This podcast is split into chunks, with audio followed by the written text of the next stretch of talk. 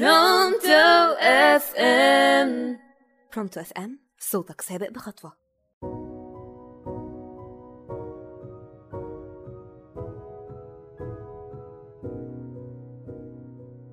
مساء الخير عليكم. أنا سارة سمير من راديو Pronto FM من برنامج خلصانة الحنين إلى الماضي.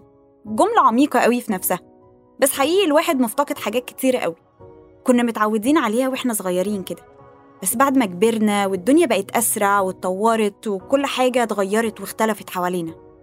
زمان مثلا وإحنا صغيرين وإحنا رايحين المدرسة كنا بنصحى على صوت الفنان محمد أنديل وهو بيقول يا حلو صبح يا حلو طل.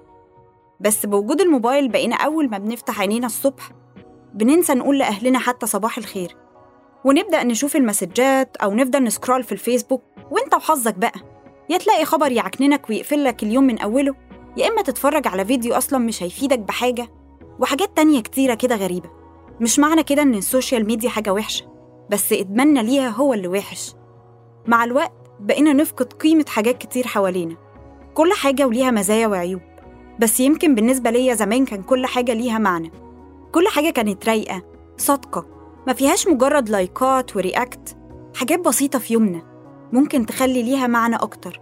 تصحى الصبح بدري تقعد مع أهلك وتفطر معاهم تقول لهم صباح الخير ابتسامة وأنت داخل شغلك الصبح وتقول للناس اللي معاك صباح الخير صباح الخير عليكم يا حلو صبح يا حلو تل. خلصانة.